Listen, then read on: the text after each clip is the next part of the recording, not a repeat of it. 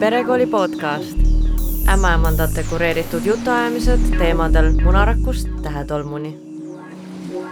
tere, armsad kuulajad, mina olen Sofi, olen ämmaemand ja mul on täna külas Meeli Laane, kes on leinanõustaja ja see on eriline episood sellepärast, et äh, Meelit ma pole kunagi varem kohanud, kõiki teisi külalisi ma olin varem kohanud elus. Ja seetõttu on, kohtume täiesti uue koha pealt ja, ja nagu ma ütlesin, oled Leina nõustaja. et tere, Meeli. tere, tere. jah, kohtume täiesti uue koha pealt jah mm. -hmm. tahaksin küsida, et millal teadsid, et äh, sinust saab Leina nõustaja mm? -hmm Mm. kunagi ammu aastaid tagasi ähm, ma mäletan, ma tulin ühelt seminarilt, sõitsin koju ja siis tee ääres oli äh, surnud, ma ei mäleta, loom või lind, keegi oli just äsja surma saanud, keegi oli otsa sõitnud. ja ma peatusin ja, ja siis äh, ma olin siis selle looma juures ja järsult tuli teadmine, et ma pean hakkama toetama inimesi, kelle lähedased on surnud. kui vana sa olid siis? ma enam ei mäleta mul oli isegi natukene keeruline täna mõelda, kui vana ma ise olen. aga kuna sünnipäev just äsja oli, siis enam-vähem see on nagu teada. Äh, see aeg lihtsalt liigub täpselt nii omasoodu. Ja, ja ma mäletan, et see mõte ehmatas mind tegelikult. mõtlesin, et see on nii raske teema, et, et mina seda teha ei taha. ja oligi jutul lõpp.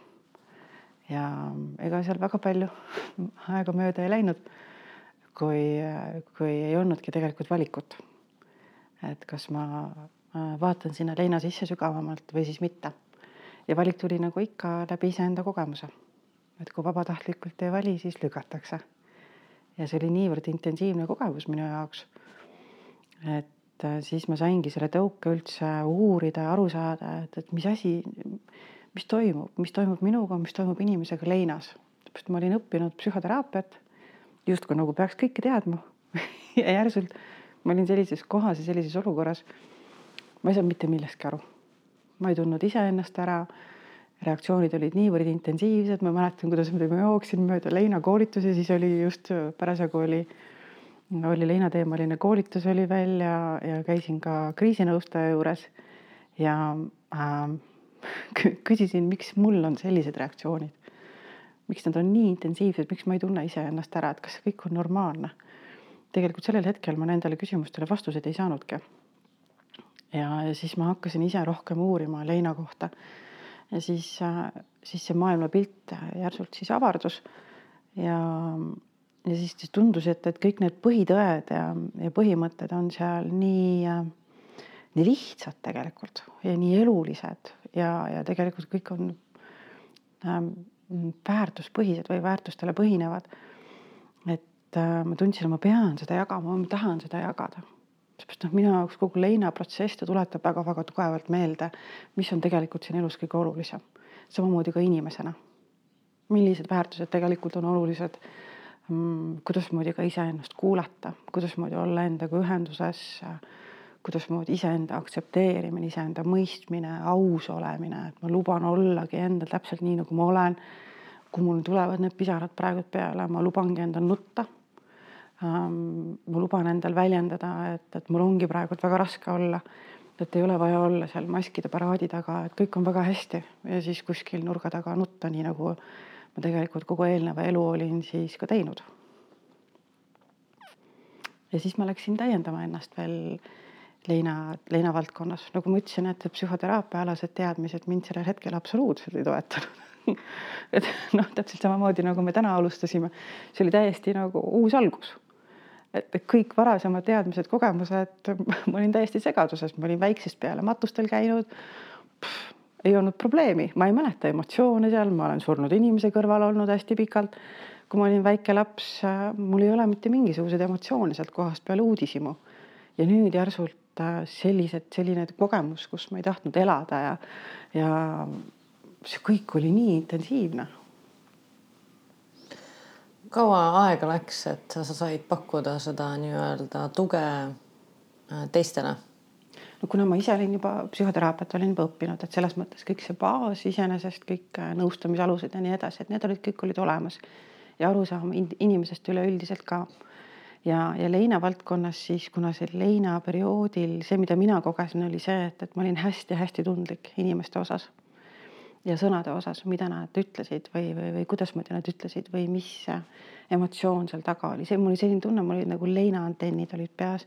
ma tundsin täpselt ära, kes on ehe ja kes on siiras ja kes mitte. kes mitte, polnud üldse vahet ei olnud, mis ta rääkis.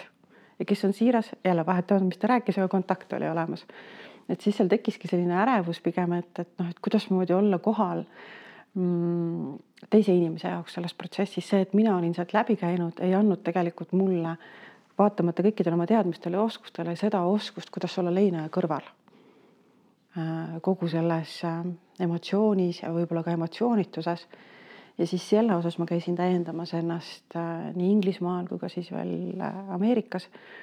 ja edaspidi ka veel palju juurde õppinud, aga sealt ma siis sain selle kogemuse või kontakti selle kohaga, et, et kuidasmoodi jääda kohale ka väga intensiivsetes emotsioonides ja muidugi mul on väga palju erinevaid rännakuid elus olnud kus siis äh, seda praktiseerida ja õppida ja, ja täna ma võin olla kohal väga intensiivses vihahoos.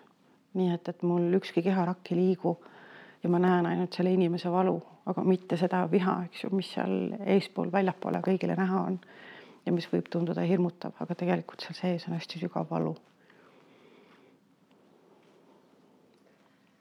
sa käisid välismaal ennast täiendamas, kas sulle tundus, et on äh, erinevatel rahvustel on mingid oma eripärad äh, leina osas?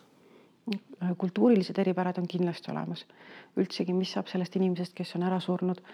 Mm, näiteks see aitab väga palju, äh, kui on teada, et, et noh, temaga nüüd on kõik hästi ja, ja ta nüüd on hoitud ja ma ei pea muretsema tema hinge pärast, et, et tihtipeale inimeste jaoks, ma vaatan Eesti kultuuriruumis tihtipeale on, et kas tal on ikka hästi või tal on ikkagi äkki halb ja Äh, ka peale surma käivad need siis küsimused selle inimese kohta, kes surnud on. aga kui on ähm, religioosselt on juba nii-öelda paigas, et, et temaga on kõik väga hästi ta on igatpidi hoitud, et siis see koht ja see murekoht jääb ära. et pigem ongi fookus sellele, kuidasmoodi meie sellega toime tulema. ja see aitab ja, ja on ju ka kultuure, kus usutaksegi minu meelest äh, Tais vist oli või oli lausa Palis, ma enam ei mäleta nii täpselt Äh, kus ähm, usutaksegi seda, et see inimene, kes ära sureb, ta tuleb perekonda tagasi mm. -hmm. ja kuidasmoodi see mõjutab tegelikult meie närvisüsteemi, et siis ta justkui nagu ei olegi lõplik, lõplik kaotus, aga et me veel taas kohtume ja see mõjutab jälle omakorda leinaprotsessi ja muidugi kõik traditsioonid. noh, meil Eestis need traditsioonid on natukene ähm, äh, kustumisel või kõik on kuidagi väga, noh, mitte ainult Eestis tegelikult, mujal riikides ka on ta nagu väga tehniliseks muutunud, et nii kui inimene ära sureb, siis kohe viiakse ta ära ja veel eriti ähm, äh, suremine kodus võib-olla ka ei ole enam nii väga tavapärane, et, et pigem kuskil hooldushaiglasse või kuskile mujale. et kõik need hüvasti jätmise kohad ja, ja kõik see emotsionaalne ühendus siis selle inimesega, kes on suremas, et, et neid pigem nagu kardetakse või, või hoitakse eemale. ja samamoodi ka matused, et noh, ma tean juhtumeid, kus äh.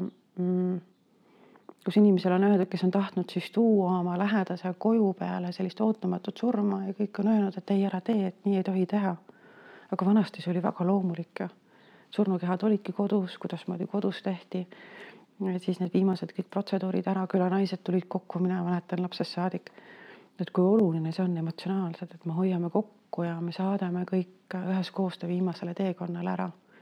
et me nendest oleme nagu võõrandunud, et siis siis see ka minu meelest ähm, raskendab seda leinaprotsessi. miks me oleme nendest kommetest võõrandunud? ma ei tea, kas on selline, selle kohta ma ei, ei julge nagu mingit analüüsi hinnangut anda. et pigem just emotsionaalsel tasandil, et tegelikult on kurb, et, et on ka selliseid juhtumeid, kus, kus inimene on, ongi tahtnud oma lähedasele viimast korda riided selga panna, aga siis Äh, kuna surnukeha ei ole enam kodus, siis sealsed töötajad näiteks pole sellega toime tulnud. ja ta ei olegi saanud seda teha. aga mõtle, kui oluline see emotsionaalselt on, kui ma tunnen, et ma tahan seda viimast korda teha. ma tahan viimast korda sättida siis oma, oma lähedast äh,, äh, panna teda riidesse, teda ära saata ja ma ei saa seda teha. et lihtsalt, et see, see, mis on olnud hästi normaalne, on järsult muutunud ebanormaalseks kas muidu üldiselt sulle tundub, et eestlane leinab vaikuses omaette? Äh, tihtipeale leinab, aga see ei ole ainult eestlase teema, et see on väga tavapärane üldse üle maailma. noh, jällegi muidugi on kultuurilised erinevused on ka, ähm, aga tihtipeale on see eraldumine on äh, üks selline läbiv teema. et see on selline loomulik aspekt selle juures? Mm, leina juures eraldumine on selline mitmekülgne, et, et ühtepidi on vaja ka leinas inimesel vahepeal tuleb see tunne ja, ja vajadus ja soov mm, olla eraldi teistest olla iseendaga koos kõige selle muutuste protsessiga, mille lähedase surm või üldse suur eluline muutus endaga kaasa on toonud. ja, ja teine pool jällegi sellest eraldumisest on valupõhine eraldumine. keegi ei mõista mind, ma ei tohi teisi koormata. Ja siis noh, veel keerulisem on see, et, et kui inimene jagab just oma hiljutist kaotust ja teine inimene räägib, et aga tead, mul oli ka midagi sarnast ja hakkab ise nutma näiteks et noh, siis need on hästi koormavad närvisüsteemile ja siis inimesel tundubki, et tal on nagu lihtsam eralduda ja mitte jagada. no keegi nutab väljas on ju, siis on ka salvrätikupakid tulevad suurte jooksudega et jumala eest, et sa ei nutaks, pühime ära kõik, eks. Aga sinna kohale jääda selle kurbuse juures või ka viha juures või, või ka emotsioonituse juures on nagu üsna, üsna keeruline inimestel tihtipeale kas äh, leinaprotsessil on ka nagu mingi selline ajajoon sinu meelest või on ta väga individuaalne, et kaua see aega võtab või kas see kestab igavesti mm? -hmm. siin on ka hästi huvitav, ma olen vaadanud erinevaid arvamusi ja, ja mm, kui me vaatame uuringuid, siis seal juba öeldakse tegelikult, et aega üldse leina osas ei saa öelda. ja samas jällegi indikatiivselt nagu pakutakse ka mingi aeg.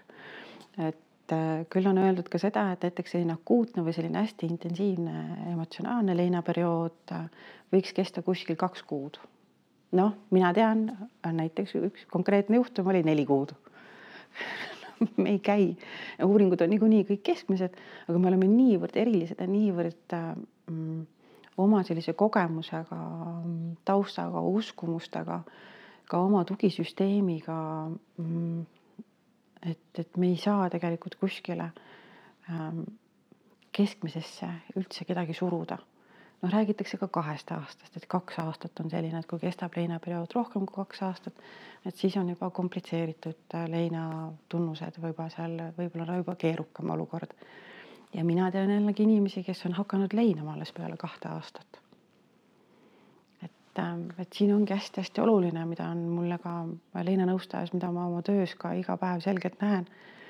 Mm, et ma pean jääma kohale, mul ei saa olla eeldusi, ootusi, arvamusi, et kui tal on nüüd selline kaotus, et siis ta reageerib niiviisi. Mm, rääkimata etappidest. inimest ei ole võimalik panna kuhugi kastidesse. et see on hästi selline, me igaüks oleme kõik väga erilised enamusel on vist äh, tuttavad need leina viis faasi, kas sa saaksid need äh, meile praegu üles lugeda? -hmm. faasidega on nii, mul on mitu korda intervjuudega küsitud ja palutud ka ette lugeda. mina faase ette ei loe. sellepärast, et neid faase on, nad on olnud hästi populaarsed mm,. tuletan meelde, et Elizabeth Kübler-Ross äh, uuris surijaid. ja nendest on tulnud faasid. ta ei uurinud leinajaid surija jaoks on surm on lõplik. Mhm. leina jaoks ei ole, sealt emotsioonid ja kõik need muutused alles algavad. nii et, et seal on juba kaks väga erinevat protsessi ja mis on ka nende faaside kriitika, on just see, et, et äh, ühtepidi tal on hea, ta on ka positiivne pool on see, et kui inimesed loevad ja, ja, ja tahavad teada, mis üldse võib leinas äkki tulla, siis see annab äh, mingisuguse ülevaate sellest, mis minuga võib leinas juhtuda aga kuna mm, muutused, lähedase surm või üldse sellised suured muutused, äh, seal on tihtipeale ei ole üks muutus, aga seal on mitmed erinevad muutused, mis sellega kaasa tulevad, siis äh, kaos on niivõrd tugev, sisemine ja väline kaos, et me tahame midagi, millele toetuda ja siis võib juhtudagi niiviisi, mis on kõige suurem kriitika, ongi see, et ahah, me haarame sellest õlekõrrest kinni, et need on need faasid, ma pean nendest faasidest läbi käima ja see on ainuke kindel asi, mis minu elus praegult on. aga me ei tööta niiviisi ja sealt võib tekkida just vastupidi, pigem see komplitseeritud leina koht, et me jäämegi kuhugi kinni ja see hirm, mis sealt üles tuleb, kas ma ikkagi leinan õigesti, kas ma ikkagi olen kõik need faasid läbi käinud, käinud või mul on üks faas on läbi käimata, et nüüd on midagi pahasti. et tegelikult see hoopiski toodab seda lisaemotsiooni ja selle asemel, et, et lubada leinal loomulikult kulgeda nii, nagu ta kulgeb mulle endale võib-olla tundub, et need faasid on ka sellise hästi analüütilise mõistuse jaoks, et mul oleks nagu millestki vaata kinni võtta. just, just, just ja äh, leinast üldsegi üks selline mm, mm, äh, koht, kus siis me arvame ja oleme võib-olla ka harjunud väga palju kõike läbi mõtestama ja läbi analüüsima. et kõik peab olema, me oleme väga palju oma peas kinni tihtipeale, aga mitte kehas lein ei ole üldse mõistuse keskne protsess, ta on väga ebaloogiline väga,, väga-väga ebaloogiline. Puhas füüsiline ja emotsionaalne. seda võib-olla tihtipeale, mis leinas toimub, mm, võib-olla hiljem on seda võimalik ratsionaliseerida, aru saada, aa, see toimus minuga, aga selles hetkes tavaliselt mitte. näiteks see, et, et kui on, on juhtumeid, kus on siis äh, lähedane on ära tapetud ja leinaprotsess on kestnud hästi pikalt. ja mis siis äh, vabastas siis äh, selle nii-öelda selle kinni, kehasse kinni jäänud leina mm, osa oli siis see, et, et aga miks sa mind hülgasid? sa jätsid mu maha siia. aga see ei ole ju üldse loogiline. ta ei jätnud ju sind maha, eks ju, mõtled ratsionaalselt, ta tapeti ära. aga see emotsioon on siin ja see hülgamise valu on seal taga. ja ongi see hülgamise valu on üks, mis tuleb surmaga kaasa et kellel siis intensiivsemalt, kellel vähem intensiivsemalt, et ma jäin nüüd siia üksinda, sa jätsid mind maha. aga kuidas sa ütled surnud inimesele, kes on haigusega läinud või, või teistmoodi, et, et, et kuidas sa hülgasid mind. aga seal taga on väga suured emotsioonid. nojah, et äh, seda ju öeldakse, et raske on nendele, kes siia jäävad. jah, just, just, just, aga noh, kuna meil Eesti on väga selline spirituaalne maa siis, siis tihtipeale kiputakse ikkagi kandma ka seda raskust, mitte ainult see, et, et, et minul on raske, et ma siia jäin, aga vot temal on raske, et kuigi ta siit kehast on lahkunud, aga tema hingel võib-olla äkki on raske. et noh, siis on see fookus ikkagi seal väljaspool, aga, aga mitte endal. huvitav asja ütlesid praegu, mis mõttes sulle tundub, et Eesti on spirituaalne maa? No ikkagi me otsime, küll meil on neid nõidasid ju ka väga palju ja šamaane on hästi palju selles mõttes, et me ei ole nagu selline väga religioosne maa, et, et nüüd meil ongi, me oleme ainult kristlased ja nii edasi, et, kus on siis väga selline selge struktuur ähm,. aga, aga me otsime ja noh, selline põline maarahvas ja, ja millised uskumused traditsioonid meil kunagi ammu on olnud.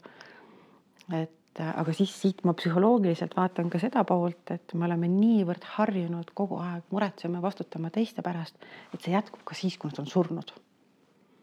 et ma ei võta vastutust iseenda pärast, kuidasmoodi mina siis tegelikult tunnen, kuidas mul on olla? Mm, -mm, see pole üldse oluline.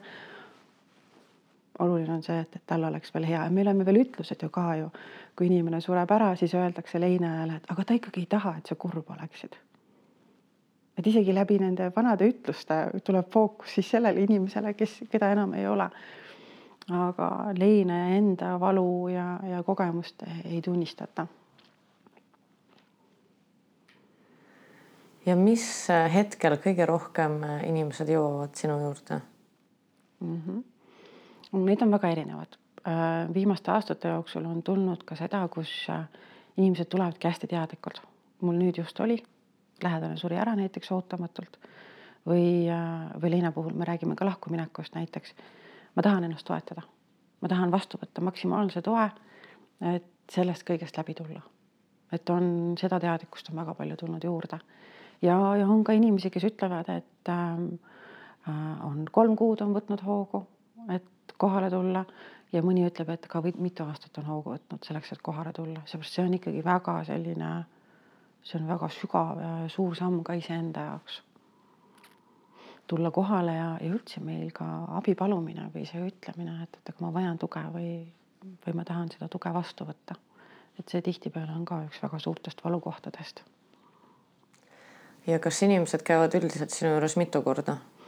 Äh, üldiselt mitu korda äh, ja, ja on ka niiviisi, et, et mõnikord äh, tulevadki, kuskil on lein kuhugi kohta kinni jäänud kas meil on siis uskumuste süsteem, mis siis takistab, takistab selle äh, emotsiooni vabastamist või emotsiooniga äh, töötamist. ja, ja siis mõnikord piisab ka täitsa ühest kohast, korrast, et tulebki, tuleb see valukoht tuleb esile ja ja kõik see emotsionaalne energia, leina loomulikku, kuidas muidu toetada leina loomulikku protsessi on, see on minu ülesanne ja siis ma kaardistan ära, kas kuskil on emotsioon, on kuskil kinni, keha näitab, et, et emotsioon on, aga inimene läheb hoopiski kuhugi mujale oma teemaga näiteks. või on siis uskumuste süsteem selline noh, näiteks ma ei tea, kõige selline keerulisem näide võib-olla on see, et aga see ongi minu karistus ja, ja ma peangi nüüd kannatama, eks ju. et siis tegelikult me juba takistame iseenda loomulikku leinaprotsessi. ja siis ma kaardistan ära selle ja siis ja siis äh, vastavalt siis vajadusele, et, et kas me vestleme sellel teemal, arutame selle uskumuse teemal näiteks või siis on ka praktilised harjutused. et kuna mina olen taustalt, olen transpersonaalne psühhoterapeut, siis ma töötan keha ja alateadvusega. ja mis ongi minu jaoks on nagu hästi äh, mm, oluline märkamine mm, kui me töötame kehaga ja alateadvusega, siis siit tulevad tegelikult need kõige õigemad vastused tulevad inimese seest ehk et mina kasutan neid ressursse, neid meetodeid, et inimene saaks siis need vastused iseenda käest kätte. seepärast teooria äh, on hea teada, on hea teada, et kuhu vaadata, aga vastused tulevad kõik inimese seest. ja see on väga äge. see võib olla niiviisi, et, et on väga raske kaotus ja järsult siis läbi keha tuleb selline ressurss ja jõud või siis tuleb ka vabanemine ja, ja inimene jaksab jälle selles leina ja kogu selle kaotuste juures jälle edasi liikuda. kas on äh, kuidagi nii, et osadel inimestel on kergem edasi liikuda kui teistel mm? -hmm, kindlasti on ja absoluutselt, see kõik sõltub sellest, milline on meie taust, milline kogemus, kuidasmoodi me näeme iseennast, maailma. Kas meil on äh, kogemus ja uskumus, et meid toetatakse kas mul on kogemus ja uskumus, et ma saan hakkama, ükskõik mis minu elus ka ei toimu. tugisüsteem, kas mul on olemas tugisüsteem või ei ole, kui on, siis milline ta on. ja nii edasi, et seal on nii palju erinevaid faktoreid, kas ma ise tahan sellest läbi minna, sellest leinast ja, ja tihtipeale on ka üks hästi suur hirm, kuigi ma viimasel ajal võib-olla ei olegi seda nii palju märganud, aga varasemalt tuli väga selgelt esile, et, ähm, et kõigest sellest valust ja emotsioonidest äh, ei juletud justkui lahti lasta, seepärast see oli ainukene intensiivne kogemus, mis veel lahkunuga sidus. et kui seda ka ei ole, kui seda valu ka ei ole või, või viha või, või tugevat emotsiooni, et siis mul ei olegi enam mitte mingit ühendust selle inimesega, kes on minu elus olnud väga oluline. on see hirm on seal taga.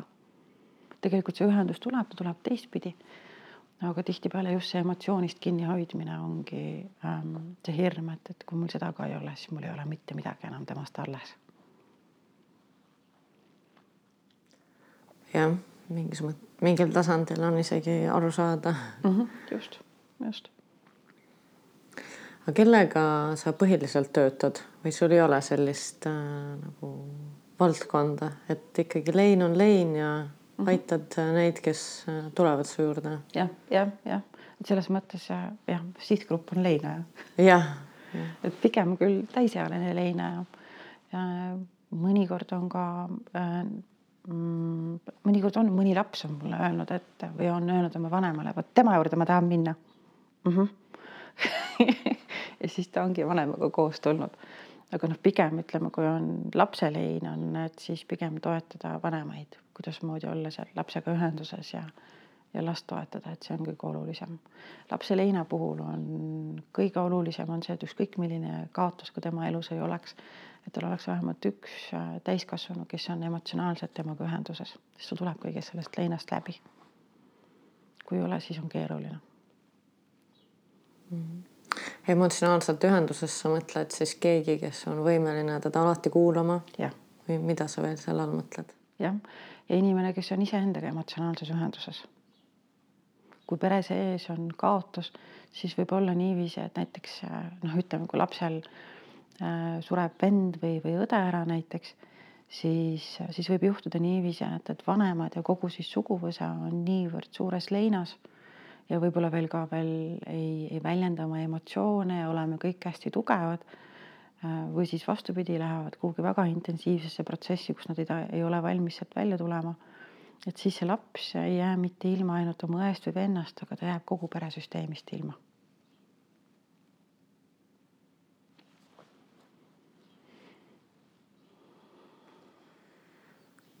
jah, see tundub eriti keeruline olukord mm, -hmm. kui, ähm, kui juhtub selline, et nagu sa enne mainisid ka, et nii mitmekihiline protsess. ja ongi, lein ongi hästi-hästi mitmekihiline.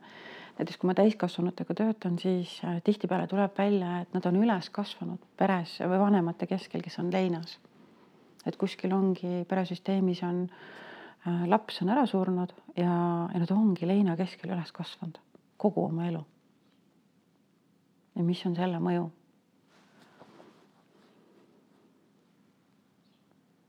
mis siis on selle mõju? See on jällegi hästi-hästi mitmekihiline mm. -hmm.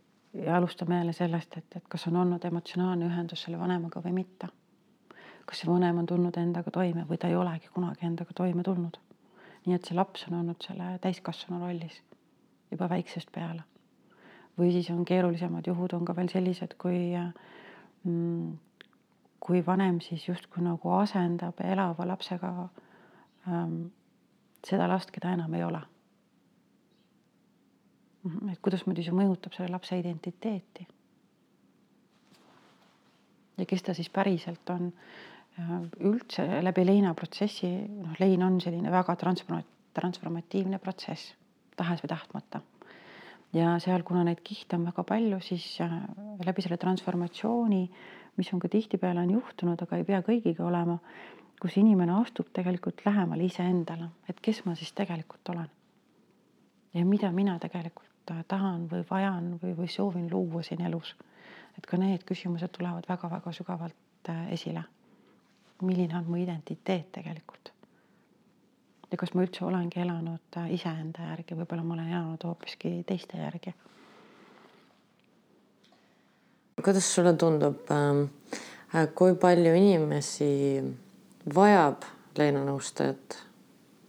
kas kõik vajavad, kas kõik vajame mm? -hmm. Mm -hmm. ma ütleks võib-olla niiviisi. Äh, lein vajab märkamist, kuulamist, tunnistamist mm. -hmm ja sellega seonduvalt ähm, mm, meil on vaja inimesi, kes on võimelised kuulama. kui me oleksime võimelised kõik teineteist kuulama, päriselt südamest kuulama ähm,, siis ma arvan, et juba väga paljud enam ei vajaks leinanõustamist.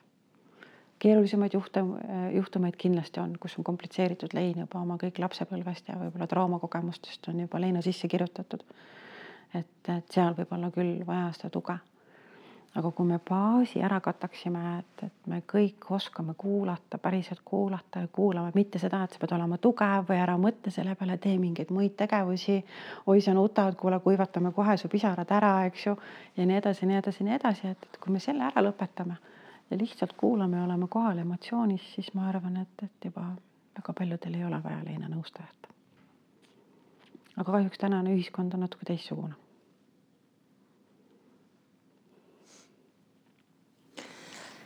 jah, võib-olla inimesed ka ei julge endale ise seda lubadagi mm. -hmm. just. et lisaks sellele aspektile, et võib-olla ei olegi seda kõrva, kes kuulab ja,. jah, jah, jah, just. ja siis tekibki selline tunne, nagu minul endal leinas oli, et see, mida ma tunnen, see ei ole normaalne mm. -hmm. ma olen täiesti ebanormaalne ja see on päris õudne, seepärast et väljaspoolt on toimunud suur muutus, aga seest ka. kuidasmoodi ma sellega toime tulen ja siis, kui ma olen ebanormaalne, siis parem siis ma ei kuulu ju kuhugi mm. -hmm. parem ma panen maski ette, et minuga on kõik hästi ja ma tulen väga hästi toime, siis ma saan veel kiitust kõik. issand jumal, siis ma olen ju eriti tubli, eks ju. ja, ja siis ma kuulun. Ja nii see lein seal sees keeb, ega see lein ei lähe mitte kuhugi ära.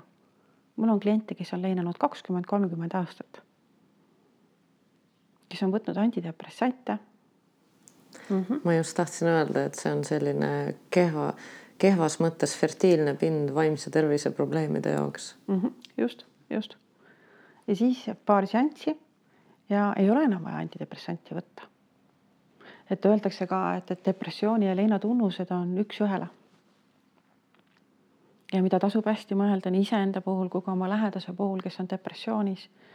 et mis see on, mis on minu kaotus, millest ma olen ilma jäänud, mida mul pole kas kunagi olnudki, aga ma olen tahtnud ja vajanud või mis mul on olnud, aga enam ei ole või kes. ja täitsa kohe vaadatagi kaotuste põhimõtet, et see ei pea olema üldse surmaga seonduv. näiteks kõik need pandeemia kogemused meil ja ka Ukraina sõda, et, et mida me sellega kaotanud oleme. turvatunne näiteks äh, erinevad kihid jällegi, kes on ka töö kaotanud ja nii edasi, suhted võib-olla kaotanud, konfliktid eriarvamustega, millest ma kõigest ilma olen jäänud ja kui ebaturvaline mul näiteks on.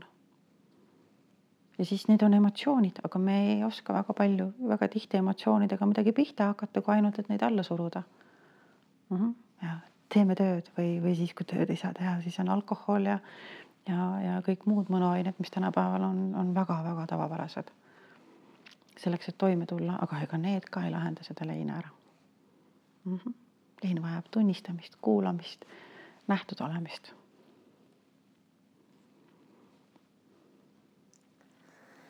Kas sul on äh, olnud ka selliseid äh, väljakutseid oma teel? mida sa pead silmas väljakutse all no see on ikkagi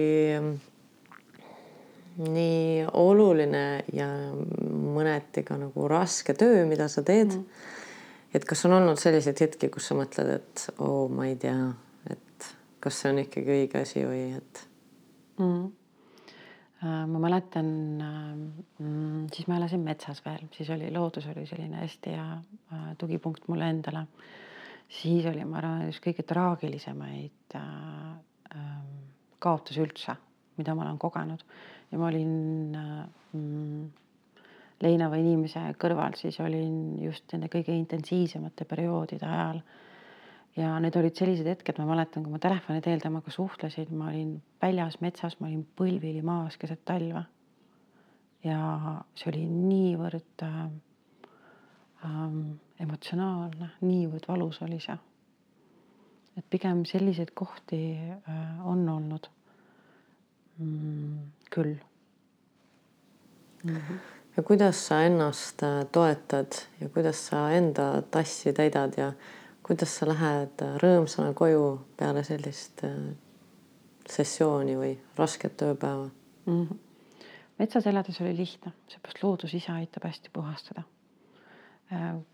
jalutuskäigud lihtsalt, see on see koht, kus kuulata iseennast ja kasvõi see puude kohin ja ja kõik see loodusega üks olemine, et see on hästi-hästi-hästi toetav ja muidugi on erinevad meetodid, on ka, on kritseldamine ehk siis joonistamine, aga joonistada ei saa öelda, sellepärast et siis mõne jaoks tekitab see pinget, et, et ähm, siis peab olema juba kunstiteos.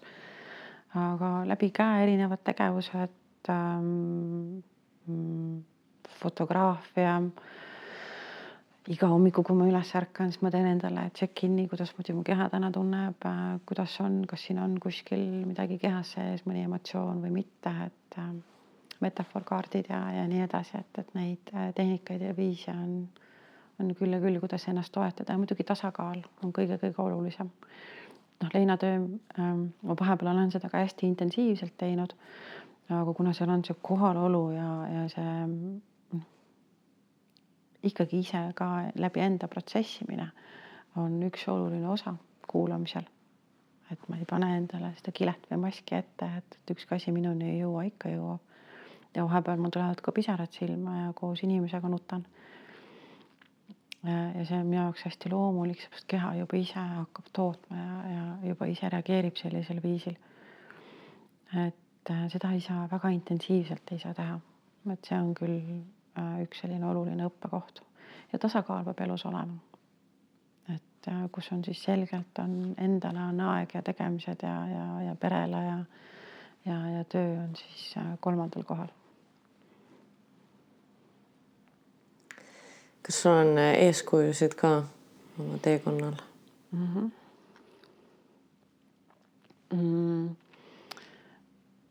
ma ei tea, kas ta on eeskuju, aga võib-olla on ka mm,. siis, kui ma ise olin hästi intensiivses äh, kohas ja siis, kui ma hakkasin otsima, et mis asi see lein siis on, et ma nüüd tahan teada ja ma tahan aru saada, siis ma mäletan, et eestikeelsest kirjandusest ma nagu ei, sellel hetkel, mis mulle soovitati, ükski nendest ei kõnetanud ähm, ja, ja siis ma järsult ma mäletan, ma olin raamatukogus ja, ja vaatasin materjali, mis siis Leina kohta oli kirjutatud ja järsult ma leidsin William Bordeni.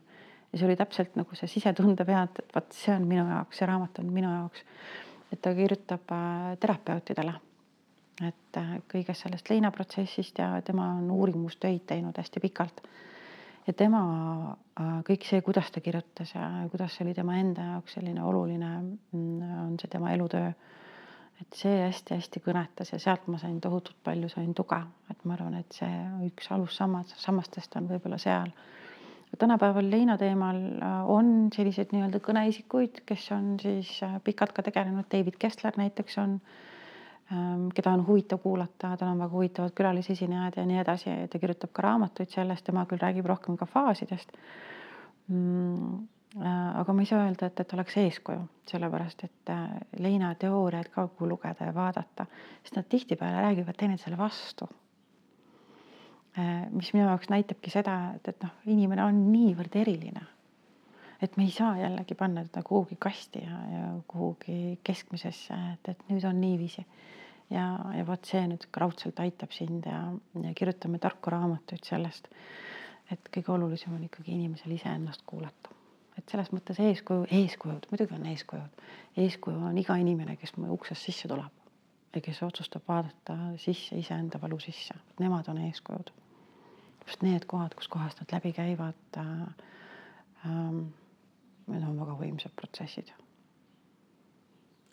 kas on selliseid olukordi ka, et inimene tuleb su juurde, aga tegelikult tal puudub see valmisolek äh, veel selle töö tegemiseks või selle nagu leina läbilaskmiseks endast või ma isegi ei oska neid õigeid sõnu valida et... mm. -hmm.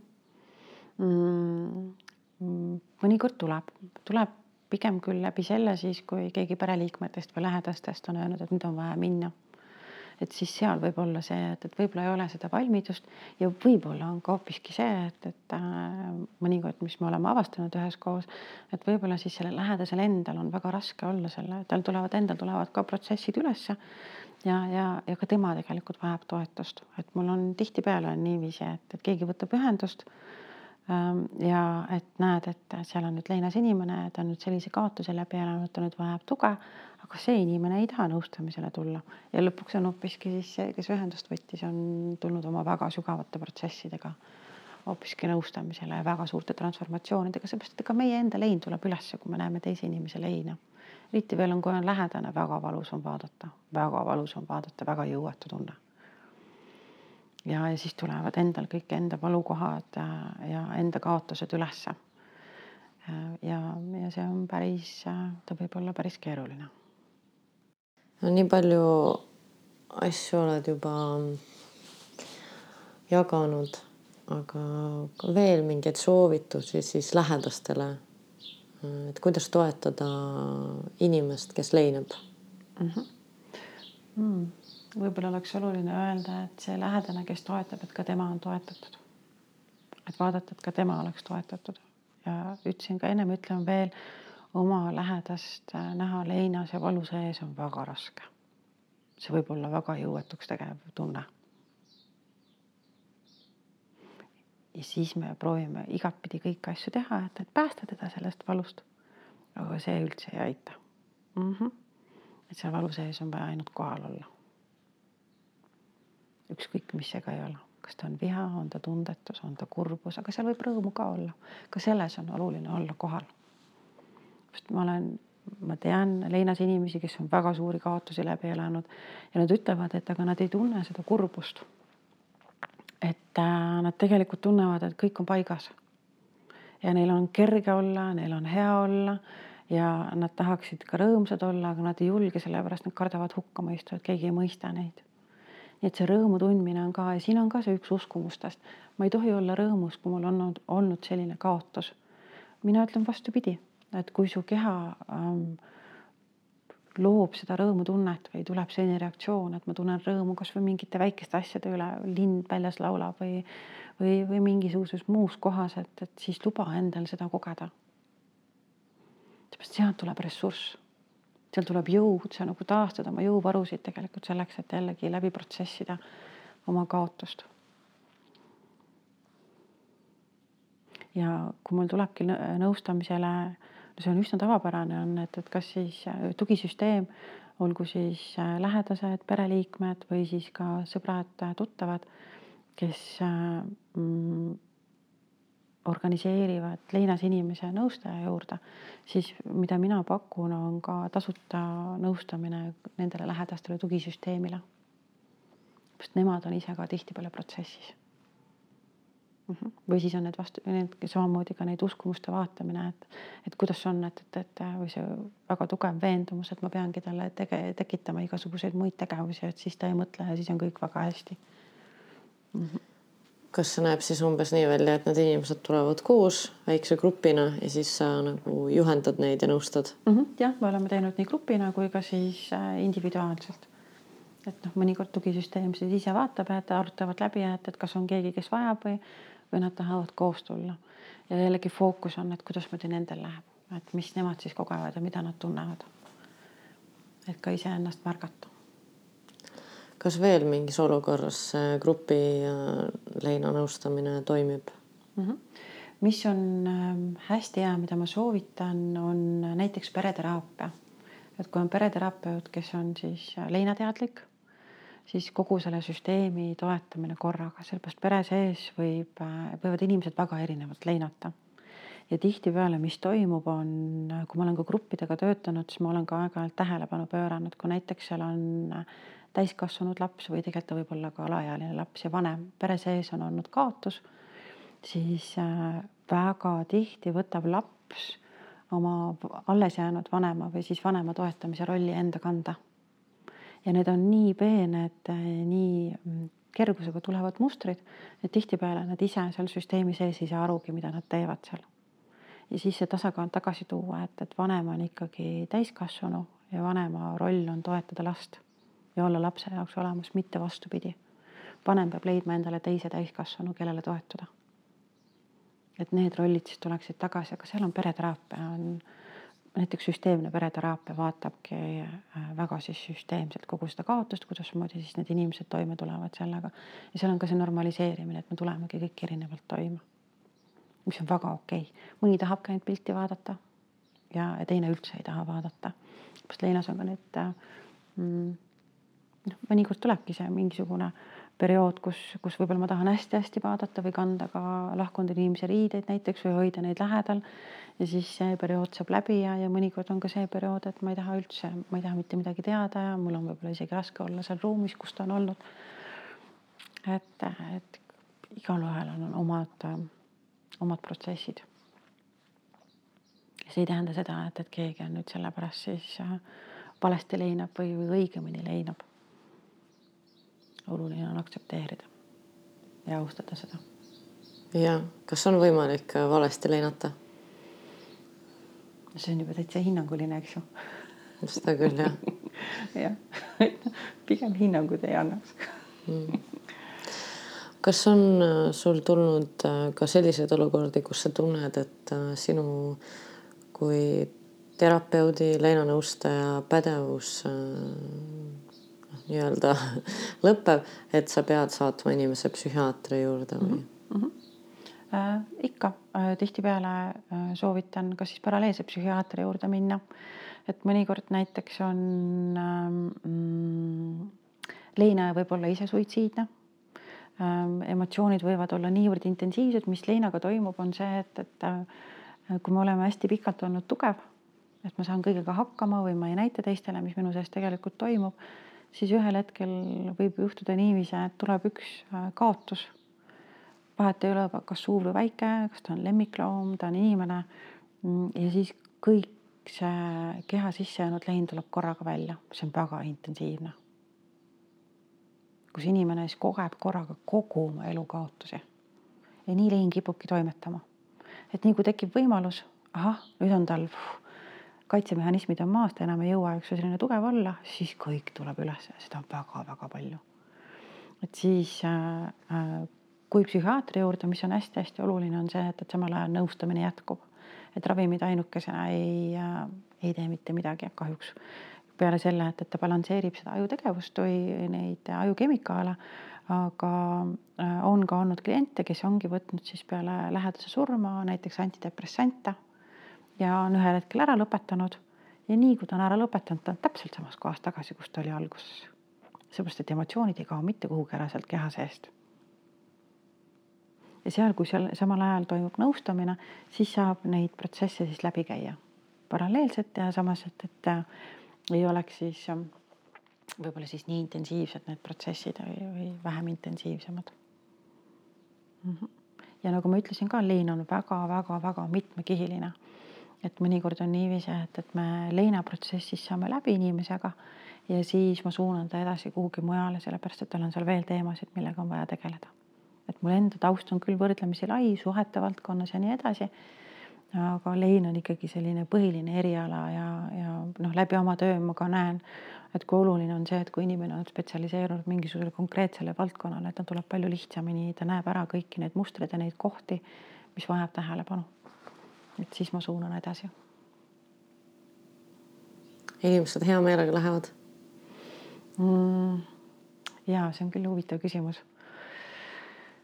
mõnikord ütlevad, et lähevad hea meelega ja siis äh, kuulen, et ei, võib-olla ei ole läinud. Äh, noh, on erinevaid, ähm, väga erinevaid ja mõni äh, ütleb ka, et, et ta ongi, et nüüd ta tahab näiteks ähm, mingisugust teist lähenemisviisi ka proovida või, või ähm, meil on olemas ka kehapsühhoterapeudid, eks ju, kes, kes siis töötavadki konkreetselt kehatasandiga, mis on väga äge.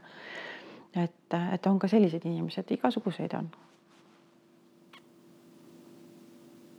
mida need kehapsühhoterapeudid täpsemalt teevad siis? seal on läbi keha töötamine, et, et äh, see on väga huvitav, meil kehasse salvestuvad samamoodi need emotsioonid ja traumad. Ja kuidasmoodi keha on niivõrd väljendusrikas, et, et just nädalavahetusel oli väljaõpe, kus me siis oli fookuses olid kehamustrid näiteks. et kuidasmoodi me siis äh, mingites kohtades meil on noh, juba selline konkreetne hoiak ja, ja mida nad siis räägivad ja kuidas nendest kehamustritest siis läbi tulla ja, ja, ja keha on vaja meil väga-väga toetust. ja minu jaoks on hästi oluline ka mm, tegelikult eelmisele küsimusele ka vastates, äh, kuhu poole ma ka liigun, et, et kui inimene mm, on näiteks leinaprotsessis, et kas siin on vaja selline laiem äh, kuidas ma ütlen siis, hoitsus või hoolitsus ähm, kus on siis kaasatud ka keha ja võib-olla ka näiteks helivibratsioonid, mm, kuidasmoodi need kõik mõjutavad kogu meie keha ja emotsioone. Lisaks siis selle mõistuse kesksele või siis alateadvusele töö, alateadvuse tööle, selline holistiline lähenemisviis tegelikult on see, mis, mida minu arvates igal nõustamisel võiks iga inimene kogeda. mitte ainult ühekülgselt kas siis äh, leinanõustaja peab ka ennast pidevalt täiendama? minu uskumus on, et peab küll, mina täiendan ennast äh, pidevalt ja pidevalt küll traumavaldkonnas, küll on erinevad meetodid, mida just no kuna leinanõustamisse tuleb ka pigem selline traumaatilist leina kogenud inimene või siis kellel on endal on traumakogemused on selja taga ja, ja sellepärast need protsessid on hästi intensiivsed. et siis äh, traumapõhised väljaõpped on olulised ja meetodid, mis on seal kõige rohkem toetanud üldse. Et ikka. Ja nüüd äh, äh, toon ka juba teist korda Eestisse Iisraelist äh, leinaeksperdi, kes siis äh,, kuskohast ma ise ka õpin erinevaid praktilisi meetodeid, et kuidasmoodi meil inimest toetada, et äh,, et aidata tal ühendust saada iseendaga, iseenda seest neid vastuseid ja ka peegeldus sellele, et kuskohast oma leinaprotsessis on järjepidev täiendamine. ja leinaekspert kõlab nii tõsiselt mm,. kas tema siis nõustab nõustajaid või koolitab nõustajaid? Kellele see? Ähm, jah, jah, ta koolitab nõustajaid, ta käib ka kriisipiirkondades, näiteks praegult on Ukrainas, käib ta õpetamas ka või koolitamas õpetajaid ja lastega töötamas ehk et siis ka niiviisi, et, et nad neil kohalik, kohapeal oleks siis omad, oma ressursse, omad teadmised, kuidasmoodi inimesi toetada kriisiseisundis, aga Iisrael üleüldiselt on, on üks selles mõttes ekspertriike, kuna nemad on järjepidevalt kaotustega silmitsi olnud ja on, on ka edasi. Et siis nendel on need meetodid ja lähenemisviisid, kuidasmoodi kriisidega toime tulla ja kaotustega toime tulla, on, on väga kõrgelt arenenud. et selles mõttes on väga hea ekspertiis väga kummaline on see elu. et äh, milleski hea olla, pead seda kogema mm. -hmm. jah, jah, jah, just ja võib-olla ka teiselt poolt see, et, et igast sellisest raskest asjast on võimalik luua midagi, mis, millel on väärtus. kas sul on ka mingi aspekt selle töö juures, mis sulle nagu väga meeldib ja mingi aspekt, mis sulle ei meeldi mm? -hmm. Mm. ega terapeudi töö on ka selline puhas ähm, kasv ja areng. Ma arvan, et terapeut peabki kasvama ja arenema ähm,. minu lugu, miks mina üldse terapeudi mm, töö juurde jõudsin, äh, ma arvan, et see on kõik minu enda isiklik kogemus. et äh, ma olen läinud ise, iseenda kogemuste pärast või, või siis nende toel, kuidas iganes seda nimetada. Mm, ja kunagi oli minu jaoks hästi oluline, ka siin on üks ju kasvud, et mis siis kõnetab ja mis mitte. kunagi oli hästi oluline näha seda muutust ja transformatsiooni, et see tekitas sellist äh, äh, väga head tunnet minu sees kui, kui ma nägin, kuidasmoodi inimene muutus ja kuidas ta astus iseendale lähemale ja oli iseendaga kontaktis. ja kuidasmoodi see kõik tema elu muutus, muutis mm,. täna see enam minu jaoks isiklikult nii oluline ei ole. et, et pigem on, on kohalolu ja, ja, ja nii ongi mm,. mis seal töö juures ma ei saa öelda, kas seal on midagi, mis mis ei meeldi, ma arvan, et, et ma ikkagi noh, peaaegu igal kohtumisel, igal korral äh, ma pigem üllatun sellest, kui, kui ja imetlen seda, kui vägev ja kui äh, võimas on tegelikult kogu meie see süsteem, kogu meie keha ja alateadvus ja, ja mõistus, kui nad omavahel koostööd teevad. see on väga äge. ja ma, ma pean ütlema, just hiljuti ka oli, kui mitte lausa just eile Äh, jälle vaatad Zoom'il ja okei okay. et nii saab ka et, et pigem on, on need kohad on nõustamise juures, et ta ei ole mm, selline töö, kus ma ise arvasin, et, et ma jumala, ma ei taha seda teha, seepärast see on nii raske. et seal on kõike. kaua sa oled nüüd seda tööd teinud? Nende aastanumbritega on pahasti no umbes. ma arvan, ta peaks sinna kümne aasta kanti jääma et kuskil sinnakanti. ja sellist äh, läbipõlemishetke ei ole sul olnud mm,? Äh, on ikka olnud, igasuguseid hetki on olnud ähm,. Mm, ja ikka on, kus ma olen ka küsinud, et, et miks ma seda tööd teen, äh, üldse nõustamise tööd näiteks. Mm, noh, ega need on ju ka seotud selliste varasemate mustrite, kogemustega ja nii edasi. ikka, aga nendest on ka läbi käidud ja, ja siis äh, ja seal on ikkagi pigem nagu need tasakaalukohad olnud, et, et kui on lihtsalt liiga tasakaalust välja läinud, et et siis tulevad need meeldetuletuskohad, läbipõlemist sellisena pole olnud. läbipõlemine on, on mul muus valdkonnas, kus ma ei ole siis äh, teinud seda asja, mis on mind ennast isiklikult nagu sügavalt puudutanud. ma mõtlen, et need küsimused, et ähm, miks ma seda teen, et need on võib-olla isegi loomulikud mm. -hmm mm -hmm. jah, jah, jah, see on puhas arengukoht, eks ju. et me igas et, suhetes ju samamoodi, kõik on alguses nii tore ja nii äge ja nii edasi, eks ju, siis ühel hetkel tuleb selline, kuule hei. Et, et reaalsus tuleb nagu kätte. Ja siis kuidasmoodi me siis läheme sealt edasi, et, et kas siis tuleb see kasvukoht, eks ju, või siis ütlen, et ei, ma ei taha seda teha. Et ega töö juures on samamoodi, on kasv on minu meelest eriti, eriti oluline, et tulebki aeg-ajalt enda käest küsida, et, et kuule, kuidas on, et, et ega ma ei ole mugavustsooni jäänud ja ja, ja minu meelest see on eriti, eriti oluline. Ja, ja, ja ka see koht võib-olla tuleb ühel hetkel, et, et, et nüüd on kõik, nüüd ma enam ei taha sellega tegeleda, et ka siis ausalt ära lõpetada, aga mitte jätkata sellepärast, et ma olen selles hea või ma olen seda nii pikalt teinud ja nii edasi, et, et ma arvan, need kohad on ka hästi-hästi olulised. Kas äh, leina käigus inimest, inimestel tulevad ka nagu sellised mõtted, et mida veel muuta enda elus, kas oled täheldanud? Mm, üks asi, mis on läbiv, äh, mis mind on ka nagu kõnetanud, on äh, soov panustada ühiskonda. et noh, tihtipeale on need kohad tulevad üles, et see, mida ma olen teinud ja tööalaselt näiteks, et, et noh, seal ei ole nagu seda südant sees. et siis on see soov, kas siis panustada või üldse täitsa muuta oma karjääri või oma elus väga selliseid tugevaid muutusi teha. Et siis äh, ja siis tulebki see küsimus, et aga mida ma siis saan teha. ja kui ma vaatan enda muutuste protsessi, ma just hiljuti hakkasin mõtlema, et aga tegelikult see on palju laiem, kui ma olen mõelnud. ma olen oma elus teinud kannapöörde, täieliku kannapöörde ja mina arvasin, et see tuli läbipõlemisest, aga tegelikult on see tulnud leinast. et noh, täiesti see, aga see on see on täiesti enda teerajale astumine, et selles mõttes võib-olla leinaprotsess väga-väga võimas protsess. Et kui sa astudki oma, oma tee, päris oma teerajale, seepärast et siis enam muud asjad ei ole enam nii olulised. kas sa soovid meiega jagada, milline see kannapööre oli?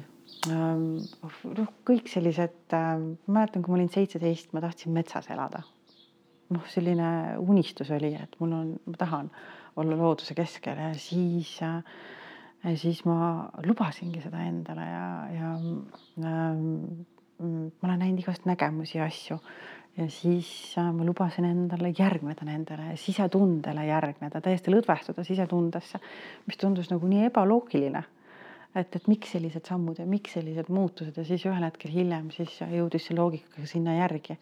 aga iseenda järgi elamine vot just nüüd sisetunne, sisetunde usaldamine, et see on olnud selline hästi suur protsess. kaua metsas elasid? Ei jäänud väga pikaks see periood, selline poolteist aastat elasin metsas. noh, töö jäi linna, et, et lõpuks muutus väga keeruliseks see edasi-tagasi sõitmine pikad maad, aga, aga see poolteist aastat oli ääretult Äh, väärtuslik iseenda jaoks väga-väga võimas aeg. ja oluline, et ma sain aru, miks mul oli vaja sinna minna, aga seal ma ka põtkisin tükk aega ikka endale vastu, et, et ma ei taha, et mul on kõik äh, olemas ja nii edasi. Aga tagantjärele ma saan aru, et, et see oli väga oluline aeg. Äh, et seal olla ja, ja sinna minna.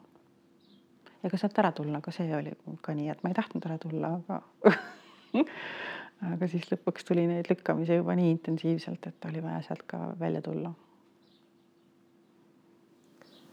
jah, see oli huvitav, et sa ütlesid, et inimestel tekib see soov panustada ühiskonda mm. -hmm. et äh, minul endal on ka täiesti selline kogemus olemas mm. -hmm.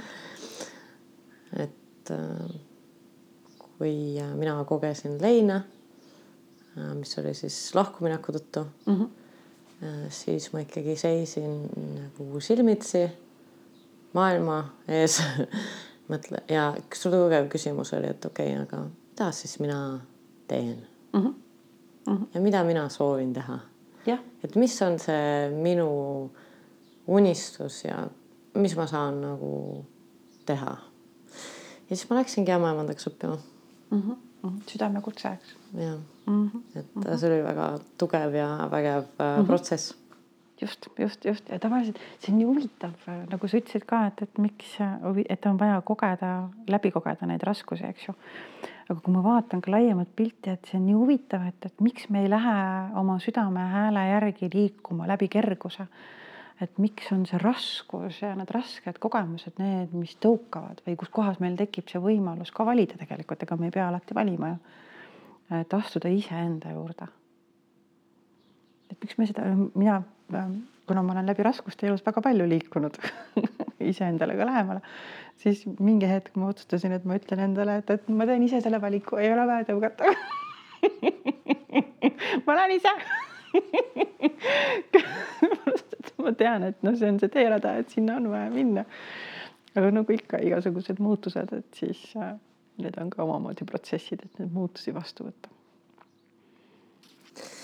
äh,. nii mõnus selline äh, orgaaniline vestlus on meil olnud, et kuidas me oleme nendest äh, mingitest raskematest teemadest rääkinud ja kuidas mulle on jäänud kõlama, et sa ütlesid, et lein on transformatiivne kogemus mm. -hmm. see hästi kõnetab mind. ja siis ma tahtsin veel su käest küsida, et äh, kui sa saaksid äh, linna peale panna plakati, mis sa siis sinna kirjutaksid mm? -hmm. kuula, kuula iseennast, kuula enda keha ja kuula ka teisi. see olekski selline suur kuula ja siis oleks need, äh, keda või mida kuulata kui me kuulame iseennast jällegi, mul on nii tugev uskumus ja veendumus selles osas, et kui me õpime iseennast kuulama ja aktsepteerima kõiki oma ebaloogilisi kohti, siis ja, ja õpime kuulama teisi inimesi, päriselt kuulama mõlemaid pidi. ma arvan, et see saaks olema väga äge. see on isegi vaimse tervise tasandilt, et äh, ma koolitan sellel aastal välja vabatahtlikke kuulamise saadikuid ja äh, minu meelest, kuna meil vaimne tervis ja tervisega on meil väga suured probleemid, eks ju, siis, äh, siis see on, see on niivõrd lihtne ja samas jällegi õppimist vajav oskus omandatav oskus. et, et kui me neid kuulamise saadikud või inimesi, kes oskavad, äh, julgevad ja tahavad kuulata äh, nii iseennast kui ka teisi üle Eesti ähm, saame, siis see on väga äge ma arvan, et see on transformatsioon, see on üks väga äge transformatsioon ja mõtle, kui lihtne tegelikult see on iseenesest. aga kui vähe me seda oskame või lubame iseendale. no ma loodan, et ähm, kuulajad said endale mõned mõtted ja mina küll sain. suur aitäh sulle, Meeli, selle mhm. vestluse eest. aga aitäh kutsumast ja aitäh kuulamast ka väga tore oli sind kuulata